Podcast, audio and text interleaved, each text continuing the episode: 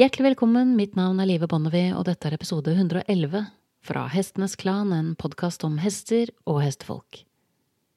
I dagens episode så skal du få møte fotograf Ada Frolik, og vi skal snakke om en kunst som få mestrer til det fulle, nemlig kunsten å ta veldig gode hestebilder.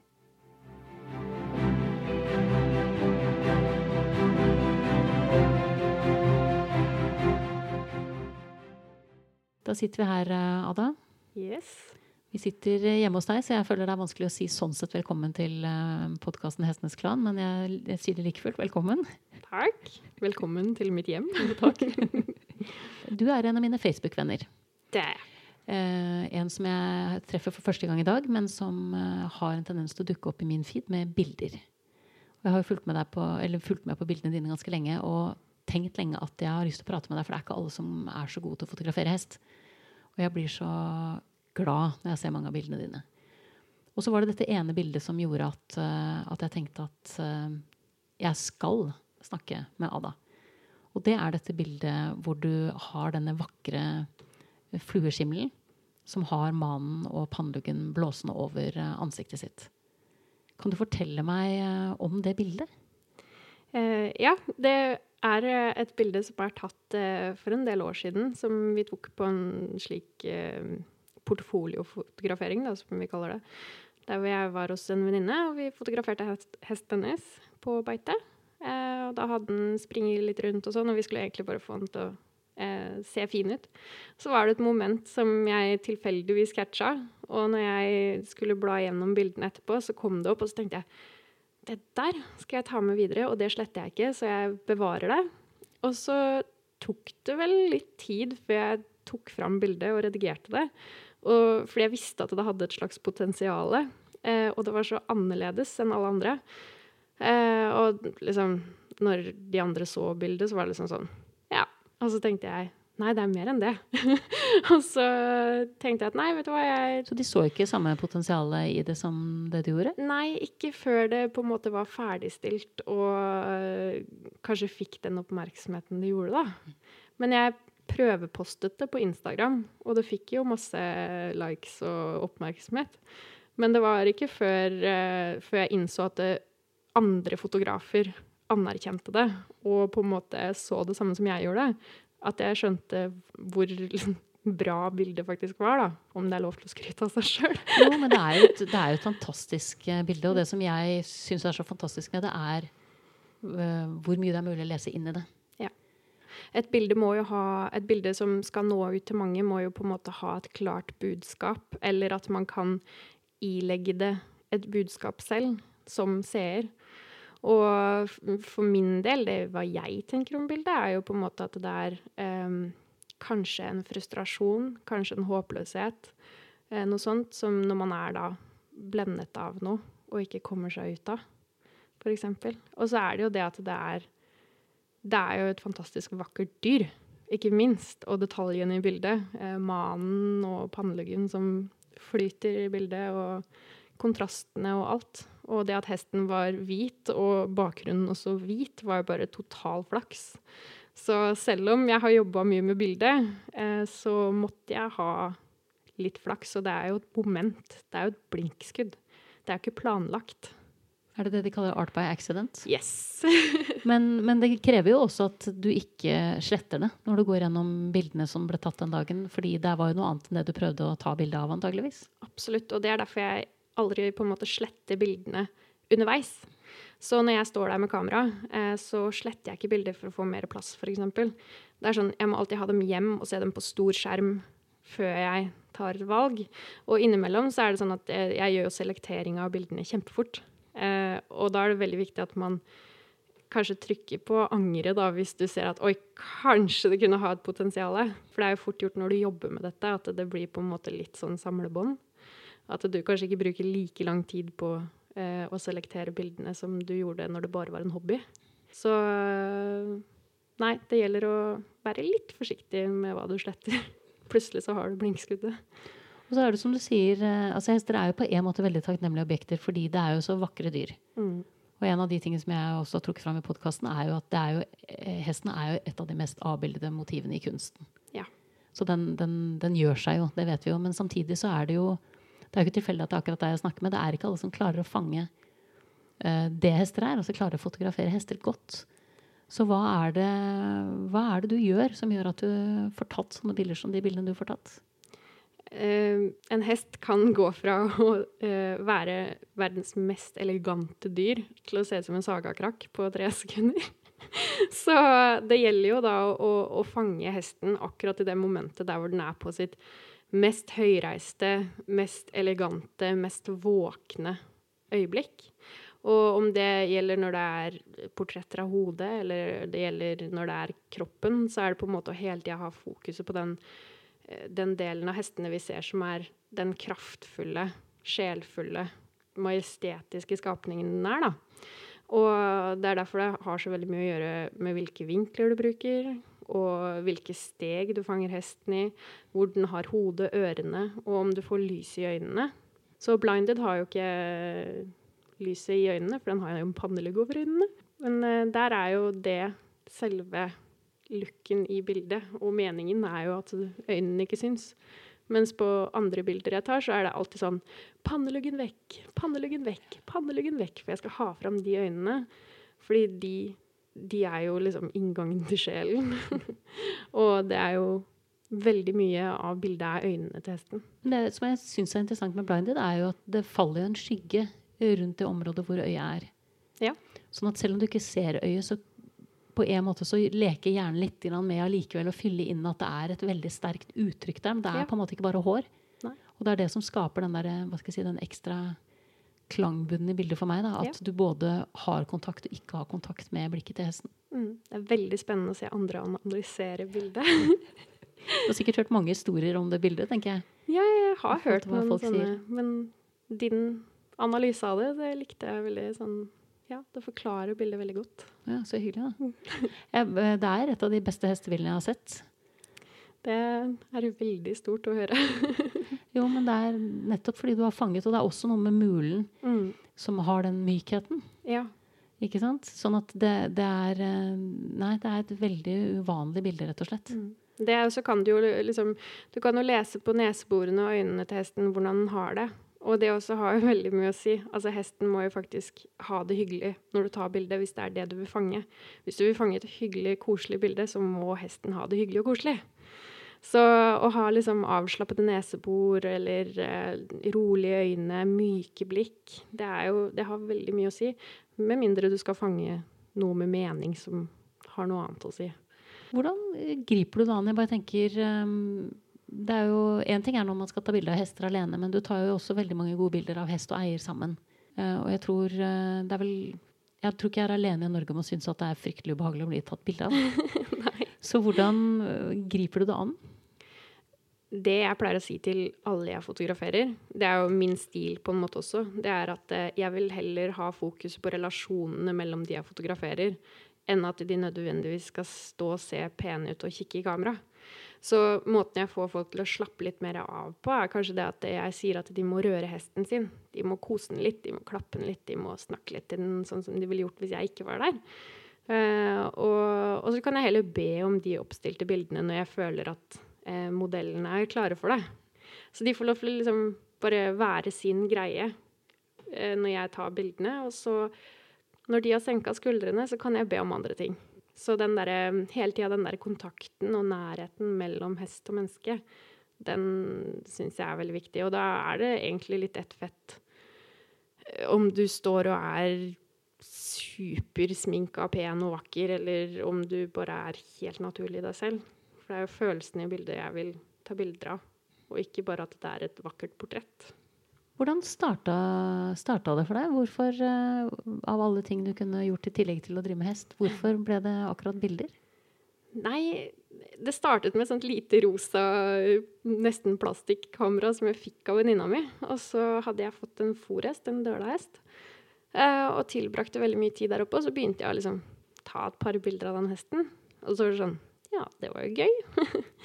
og så utvikla det seg til et uh, Eh, litt bedre digitalkamera for den tiden, da. Og eh, så fortsatte jeg å ta bilder, og jeg husket jeg startet på hest.no og blogga. Så til konfirmasjonen min så fikk jeg jo da kjøpt mitt første speilreflekskamera. Og så husker jeg at jeg har alltid vært sånn som sitter mye på beite sammen med hestene. Og bare ser dem og observerer dem. Og liker bare å ta inn flokkdynamikken og sånn. Og så begynte jeg bare å fotografere dem fordi jeg trengte mat til bloggen min, rett og slett. Og det ble en greie, og hver gang jeg var i stallen, så hadde jeg med kamera og tilbrakte noen timer der. Og da utvikla jo det også seg til at eh, de andre på stallen ville ha bilder av hestene sine. Og så fikk jo da det ordet ben å gå på, og så var det flere som ville ha bilder. Og sånn utvikla det seg hele veien. Så jeg har hatt en veldig sånn langsom vei. Eh, og det har tatt lang tid. Eh, men jeg ville ikke gjort det annerledes heller. Jeg hadde liksom ikke bestemt meg for at nei, jeg skal bli fotograf. Det var bare sånn Jeg begynte å ta bilder. Folk likte bildene mine. Jeg likte å ta bilder. Og så ble det hele livet mitt. ja, For det er, det er, dette du lever av nå, rett og slett? Det er det. Mm. Ikke bare hestefotografering, da, men uh, portrettfotografering i alle mulige settinger. Og veldig mye bryllup og barn og sånn, da. Men det er gjerne hestefolk som kommer til meg, uansett hva de skal ha fotografert. Hvordan er det du eh, jobber eh, med lyset? En av de tingene jeg har alltid vært Jeg er jo litt sånn nerdete på etymologi og opprinnelsene til ordene. Mm. Uh, fotografi betyr, tror jeg, ganske fritt oversatt å skrive med lys. Ja. Så essensen her virker jo å være å klare å forholde seg til hvordan man gjør akkurat det. Bruke lyset riktig. Ja. Eh, det, er, det, er, litt sånn Jeg er så lite flink på det rent sånn eh, teoretiske i fotografering. Jeg har alltid vært et praktisk anlagt menneske, så skolebenken har ikke vært min eh, favorittplass. så men det er noe med det at noen mennesker er kanskje utstyrt med et godt øye for lys. For de ser ting på en annen måte enn det andre gjør. Så jeg kan jo på en måte fotografere i all slags lys, men jeg har selvfølgelig lys jeg prefererer. Så jeg foretrekker å ta bilder eh, eh ved soloppgang og solnedgang. For da er jeg liksom sikra at jeg får de her eh, magiske bildene. Overgangslys? ja. Mm. Eh, og styrer jo gjerne unna sola midt på dagen, f.eks. For eksempel, fordi det er så harde skygger. Men det er jo lyset som setter hele bildet. Så når jeg kjører bil, når jeg går tur, når jeg Alltid så ser jeg lys, og så bare Å, så vakkert lys. Og de andre bare Hvis jeg er sammen med noen, de bare Ja, fint lys. og jeg ser jo locations og steder hele tiden. Men det er noe med det lyset som bare fanger meg. Og jeg kan, jeg kan, bli litt sånn bergtatt. Hvis jeg går i skogen, så må jeg bare sånn stoppe, og så bare Oi, det var vakkert. Så er det litt det der med å nyte det, og ikke tenke at å, nå skulle jeg hatt med kamera. så, så, nei, jeg, man maler jo med lyset, og du kan gi veldig mye til et bilde ved å velge det rette lyset. Er det sånn at hester er det du foretrekker å fotografere, hvis du kan velge fra øverste hylle? Absolutt. Det, er, eh, det var hele inngangsbilletten min til fotografering, og det er jo lidenskapen min. Fotografering er jo jobb, men, eh, men hestefotografering, det er lidenskapen. Det er der hvor jeg lader batteriene mine. Har du tenkt på det som fotograf um, Det er jo tusen svar på dette spørsmålet, selvfølgelig, men hva det er med hesten som gjør at linsen dras mot den, hvis du skjønner? Jeg tenker at de ofte speiler oss selv, på en måte. At vi, vi, ser det vi ser i oss selv, men i en mye mer Ja, i et større format, eller de viser så mye følelser, og de er så majestetiske, som jeg har nevnt flere ganger nå, at uh, man blir liksom bare dratt mot dem. Og de kan vise smerte, de kan vise glede, de kan vise power, ikke sant. De Ja, nei, jeg tror kanskje det er bare helheten. Jeg klarer ikke helt å sette fingeren på det. Men de er jo noen veldig spesielle dyr. Det å klare å fange det, som du sier, både i forhold til dette med øynene, som er jo det er veldig sånn kjent uh, uh, setning, å si at øynene er sjelens speil. Men opplever du at du på en måte også må invitere noen av hestene liksom litt ut av sitt skall? De har jo ikke det samme forholdet til fotografering som vi har, men at men at det krever en innsats fra deg for å få disse åpne, glansfulle blikkene som man er på jakt etter? Absolutt. Eh, det kan kreve bestikkelser, og noen ganger eh, må vi rett og slett eh, vise dem noe som kanskje er litt skummelt. og noen ganger så får man dem ut av komfortsonen sin, og så vokser de på det. Og da får de jo plutselig en helt annen vibe i bildene. Da vil de jo plutselig se stolte ut og mektige og får en helt annen look enn det de kanskje hadde for ett minutt siden, der hvor de sto og var usikre. Så jo, det er ikke bare å ta opp kamera og tenke at det, nå har hesten øra fremme og glimt i øyet. Det er ofte mer som må til. Så da har vi jo noen triks, da. Ja, det mottas med takk. ja. For det første så har vi en app som eh, vi får i AppStore. Den heter bare Horse Sounds, og hester reagerer på hestelyder som du spiller av fra telefonen, rett og slett. Eh, veldig mange hester, i hvert fall. Men her kommer litt sånn sikkerhet inn i bildet. og sånn. Det er en hingst, og det er liksom veldig mye føss, og kanskje han kan bli litt for busete. Så burde man kanskje prøve én gang, og så kanskje ikke gjøre det noe mer enn den ene gangen. Eller at man tar og spør eier først, før man prøver på disse tingene. Fordi eieren kjenner jo som regel hesten sin best. Så jeg pleier alltid å spørre før jeg gjør det det er i hvert fall den mest brukte tingen min. Eh, annet er jo selvfølgelig plastikk, for hvilke hester er det ikke som liker gulrøtter og knitring av gulrotposer? da får du også oppmerksomheten fort. Men så har vi noen hester som du bare må begynne å bli veldig kreativ med. Og det er min egen hest, f.eks. Eh, Faruko, som er en PRE. Han er så rolig som skjæra på tunet, og han kunne ikke vært mindre fotogen når han kjeder seg. han ser rett og slett ikke bra ut. eh, og der har vi stått med ja, min ja, medeier på denne hesten har stått med, tatt av seg skoa for å klappe dem over hodet. og kasta ting langt ut og lagd masse rare lyder for å bare få de øra frem. Men eh, det er en kunstform, rett og slett. Kan ha veldig mye forskjellige ting. Men pipeleker til barn fungerer også veldig bra. Eller en boks med småstein. Kraftfôr kan de bli litt sånn Da vil de jo helst bort til bøtta. Eller så har vi brukt plastposer, som noen hester er litt redde for. Da går Vi veldig sånn, vi tar jo alt på hestens premisser, så hestene skal jo ikke bli redde. Men de skal jo på en måte Oi, det der var noe Det der var litt spennende, og det var litt skummelt også, men jeg har lyst til å kikke på det. Så hvis du tilbyr hesten en ting som den titter litt på, så vil den automatisk strekke på nakken og øra frem og blåse seg litt opp. Så hvis du kan snike deg rolig bort, så får du kanskje den reaksjonen du vil ha. Så det er liksom å tilby hesten noe den ikke er vant med hver dag. Så det er mange hestefotografer, inkludert en god venn av meg, som har med seg en egen pose med, med rekvisitter som lager forskjellige lyder. Og det er alt fra sånne pipehaner til, eh, ja, til andre leker, rett og slett. Så dette er gode triks når hesten står stille. Ja. Så er det dette berømte å finne det rette momentet. Ja. La oss si du har en hest i galopp, f.eks. Jeg jo, elsker å ta bilde av beiteslipp. Uh, og det er jo liksom julaften, bursdag og nyttårsaften som jeg skrev på Facebook. Uh, på samme dag for meg, fra med kamera. Og så har jeg veldig ofte uh, Energien er fin.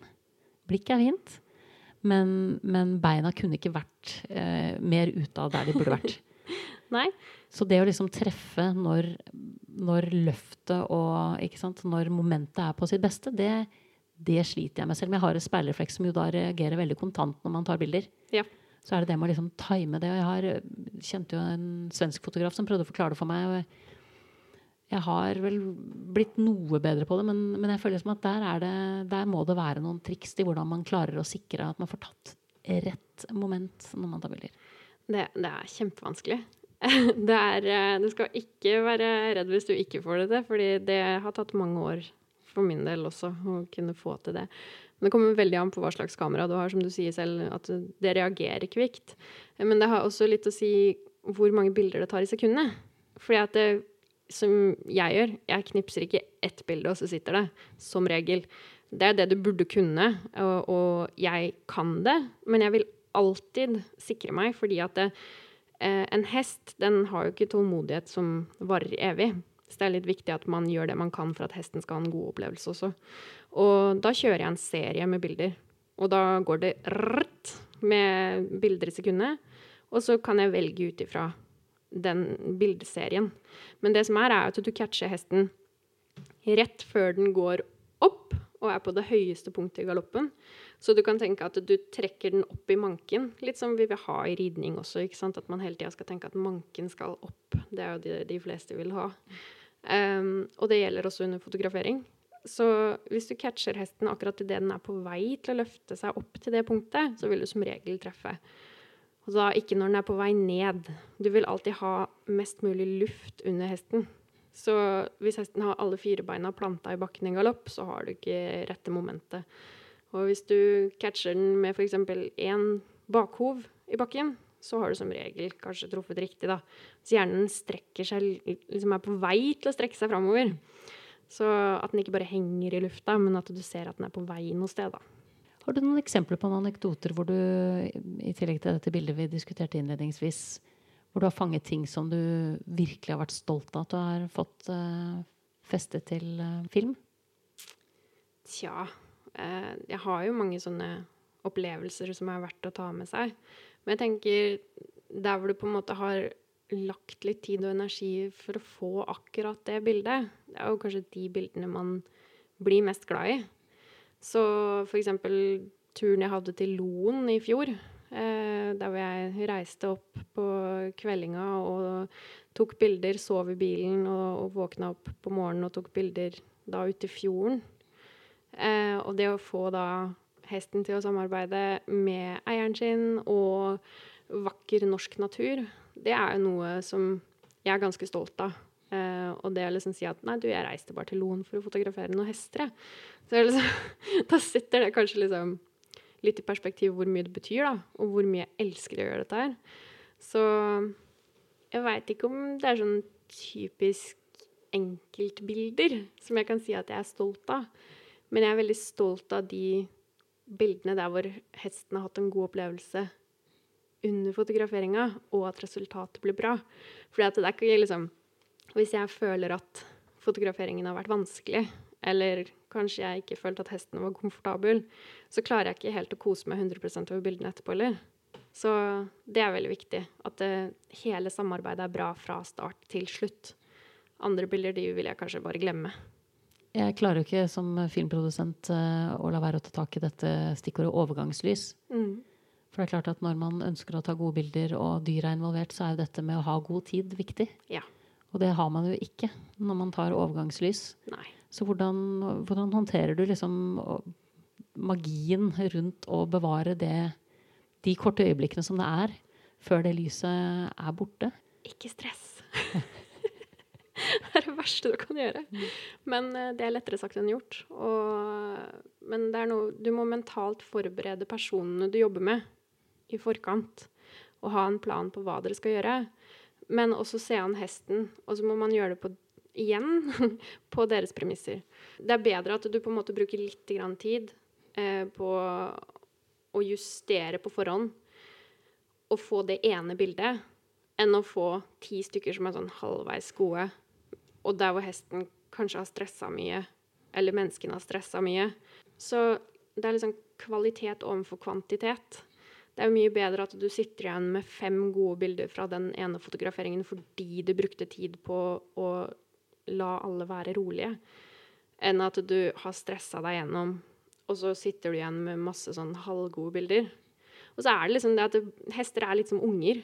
De har 15 minutter der hvor de er 100 til stede, og så er konsentrasjonen et annet sted. Så, så jeg, å, jeg, prøver å ikke trekke tiden for langt, da. Sånn hvis jeg ikke kjenner hestene fra før av. Fordi, sånn som, Jeg kan ta et eksempel. fordi Iver til Mathilde Brandt det er en hest som kan jobbe hele dagen og han er bare med på alt. Og så kan du ha en annen hest som er ferdig på ti minutter. Og da gjelder det å liksom ha utnytta den tiden. Og når det er i solnedgang eller soloppgang, så må du ha lagt en plan. Eh, men så er det sånn, hvis du er litt sånn surrehue som meg, da, på en positiv måte, mm. så, så, kan det av og til være litt sånn på slump at eh, man gjør det bra der og da. Men det beste er å ikke overtenke ting, ikke stresse, og se an hesten. Og så pleier jeg å si at det, det, er bedre at du lar hesten få lov til å gå noen volter hvis den er urolig. Og så kan vi heller fotografere liksom akkurat de sekundene den står stille. Eller kanskje det er pent med bevegelse i bildet. enn at du prøver å tvinge den til å stå stille. Fordi da vil den se anspent ut. Så prøv liksom å Altså, det kommer en dag i morgen òg, sannsynligvis. Eh, så hvis det er sånn at hesten bare virkelig ikke har dagen, eller du merker at kanskje mennesket er et helt annet sted i hodet sitt, og, og at mennesket er så langt borte at det ikke klarer å samarbeide med hesten sin, så er det bedre at eh, Vet du hva, vi, vi dropper i dag, så kommer vi heller tilbake igjen. For det, det, det, er ubehagelig å stå på, og se på oss selv. Og jeg vil jo levere det beste jeg kan. Og da er det viktig at alle er komfortable. Høres ut som en veldig god note å gå ut på, faktisk. Eh, for nå snakker du om det som er kjernen i podkasten. Ja. At også i disse øyeblikkene her så er det viktig å tenke på hestens velferd. Jeg må jo si at jeg har liksom forhold til det i forhold til filmbransjen. Apropos overgangslys og ting som, som haster. At det er det er i de øyeblikkene man kan glemme uh, at dyret trenger velferd uh, som er god også da. Ja. At vi blir litt for fokusert på målet. Og det gjelder jo ikke bare fotografering, egentlig, men generelt også trening og det meste vi gjør med hestene. At hvis vi, hvis vi bare ser the end game, uh, så er det fort gjort at man glemmer å se hesten. Ja. Jeg kan forstå at man gjerne vil. Og i mange sammenhenger så er det sånn at å, nå skal vi ta disse bildene, og dette her skal bli så bra, og jeg skal stå der med den kjolen, og hesten skal være blank og fin, og alt skal bare være sukkersøtt og vakkert. Og så har du på en måte hausa det så mye opp inni ditt eget hode, kanskje, da, at uh, ting ikke står til forventningene overhodet. Og, og da, det er kjempetrist, og det er ikke noe god følelse. Og da kjenner jeg at jeg som fotograf jeg blir sånn Ja, dette her er jobben min. Men hvis jeg har tid og mulighet, så vil jeg heller at man starter på nytt og tar de gode bildene en gang til. Hvis man ikke bare har dagen. Fordi det er jo på en måte et yrke som er Du skal jo Jeg skal jo få fram det beste. Og en fotografering kan noen ganger gjøres igjen. Sånn som med vanlige hestefotograferinger eller portrettfotograferinger. Så er det sånn Det er faktisk ikke verdens undergang. Men selvfølgelig så kommer du til Kanskje det er hestens siste dag og alt må være perfekt. Da har du selvfølgelig et mye høyere press. Men da er det jo min jobb, da. Å bare puste og få de som håndterer hesten, også til å puste. Men der vil jeg også bare ha masse følelser. Så hvis eieren står og gråter, så sier jeg vet du hva, det er helt greit. Gråt. Og så kan vi se, hvis du føler deg litt bedre igjen etterpå, så ser vi kanskje du får noen smilebilder som du ønsket deg. Men de bildene der hvor du gråter, det er faktisk de fineste bildene. Er det et type oppdrag som du har uh, fått flere ganger? Altså at noen ønsker rett og slett å dokumentere Ikke at det er nødvendigvis siste dagen til hesten, men det er siste sjansen til å få tatt de gode bildene som man kanskje ønsker seg og aldri har tatt. I år så tror jeg faktisk jeg har hatt rundt fem fotograferinger uh, hittil i år som er um, av en sånn siste avskjed. Og det er jo fordi at man nettopp ønsker å bevare disse minnene. Og det er en sabla tøff jobb. Fordi at det er så mye som står på spill, på en måte. Det er en av de fineste fotograferingene jeg gjør. Det er eh, eldre dyr, eller dyr som skal forlate oss, eller ikke minst Jeg passer på å ta masse fine bilder av eldre mennesker som jeg vet kanskje ikke har så veldig lenge igjen. For jeg vet hvor mye de bildene bli, vil bli satt pris på senere. Og da har på en måte ikke bildene noen pris. For meg så er det veldig viktig at de bare De blir så bra at de, de skal verdsettes i mange år framover og virkelig få fram dyrets personlighet, båndet mellom hest og menneske og sånne ting. Så det er kjempetøffe oppdrag. Men det er kanskje noen av de oppdragene som jeg har oftest i forbindelse med hest, faktisk. Og det er veldig trist. ja. Men fint. Ja, fint på en måte mm. også, for det betyr jo det betyr at folk ser en mulighet for å få noe som, som du kan gi dem, som ellers vil være borte for alltid. Da. Ja, absolutt. Og det er jo litt derfor jeg er fotograf også, fordi jeg verdsetter mine minner fra tidligere som mamma og pappa har vært flinke til å forevige. Så vi sitter ofte og blar i album og sånne ting. Og ja, det, pappaen min døde tidlig, så bilder av han er jo så viktig for meg. Og derfor har det blitt ekstra viktig for meg å dokumentere livet, menneskene rundt meg, dyra rundt meg. Og så kunne gi det til andre mennesker. Det er en gave. Virkelig en gave. Det er det som er best med fotograferinga. Er at jeg kan gi andre det jeg selv verdsetter så høyt. Takk for en vakker avslutning på veld, for en veldig hyggelig prat, Ade. Jo, selv takk. Tenker, eh, jeg pleier å ha et signaturspørsmål knytta til velferd, men i dette tilfellet er det jo veldig fristende å knytte det opp mot fotografering. Da du sto i startgropa og skulle begynne å ta bilder, er det et tips du kunne ønske at du hadde fått den gangen? Som var ting du oppdaga når du hadde tatt bilder eh, lenge? Sånn litt uti det, så tenker jeg det at eh, Som jeg kan se tilbake på nå, så er det fotografer for din egen del. Fordi at eh, fotografi er så mye mer enn bare å knipse et bilde. Og ta heller og ta flere bilder enn det du egentlig tenker du skal gjøre. Fordi om det så er med mobilen, eller om det er med kamera, så, så handler det om å bevare de minnene. Det er jo minnene som er viktig. Altså som, Jeg som jobber som fotograf, tenker det at eh, jeg tar bilder for min egen del, og det er kjempeviktig for meg.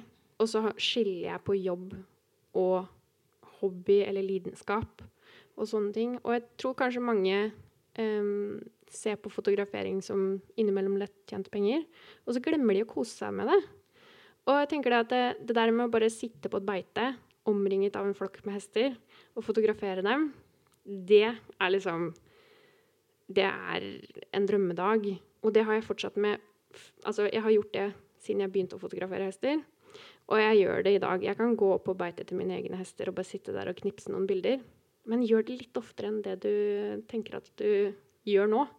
Fordi at de vil du sette pris på senere. Så ikke glem at du tar bilder for din egen del. Og fortsett med lidenskapen i å ta bildene. Tusen hjertelig takk for praten praten, Ada. Det var supert. Veldig hyggelig. Så blir det spennende å følge deg videre, egentlig. For jo, jeg må jo si at uh, jeg er veldig glad når bildene dine dukker opp i feeden min på Facebook. Da har jeg gjort jobben min riktig. Det har du definitivt. Du har nettopp hørt episode 111 fra Hestenes Klan, en podkast om hester og hestefolk. Takk til min faste komponist Fredrik Blom, min gjest Ada Frolik, og sist, men ikke minst, takk til deg, kjære lytter, for tålmodigheten. Måtte hesten for alltid være med deg.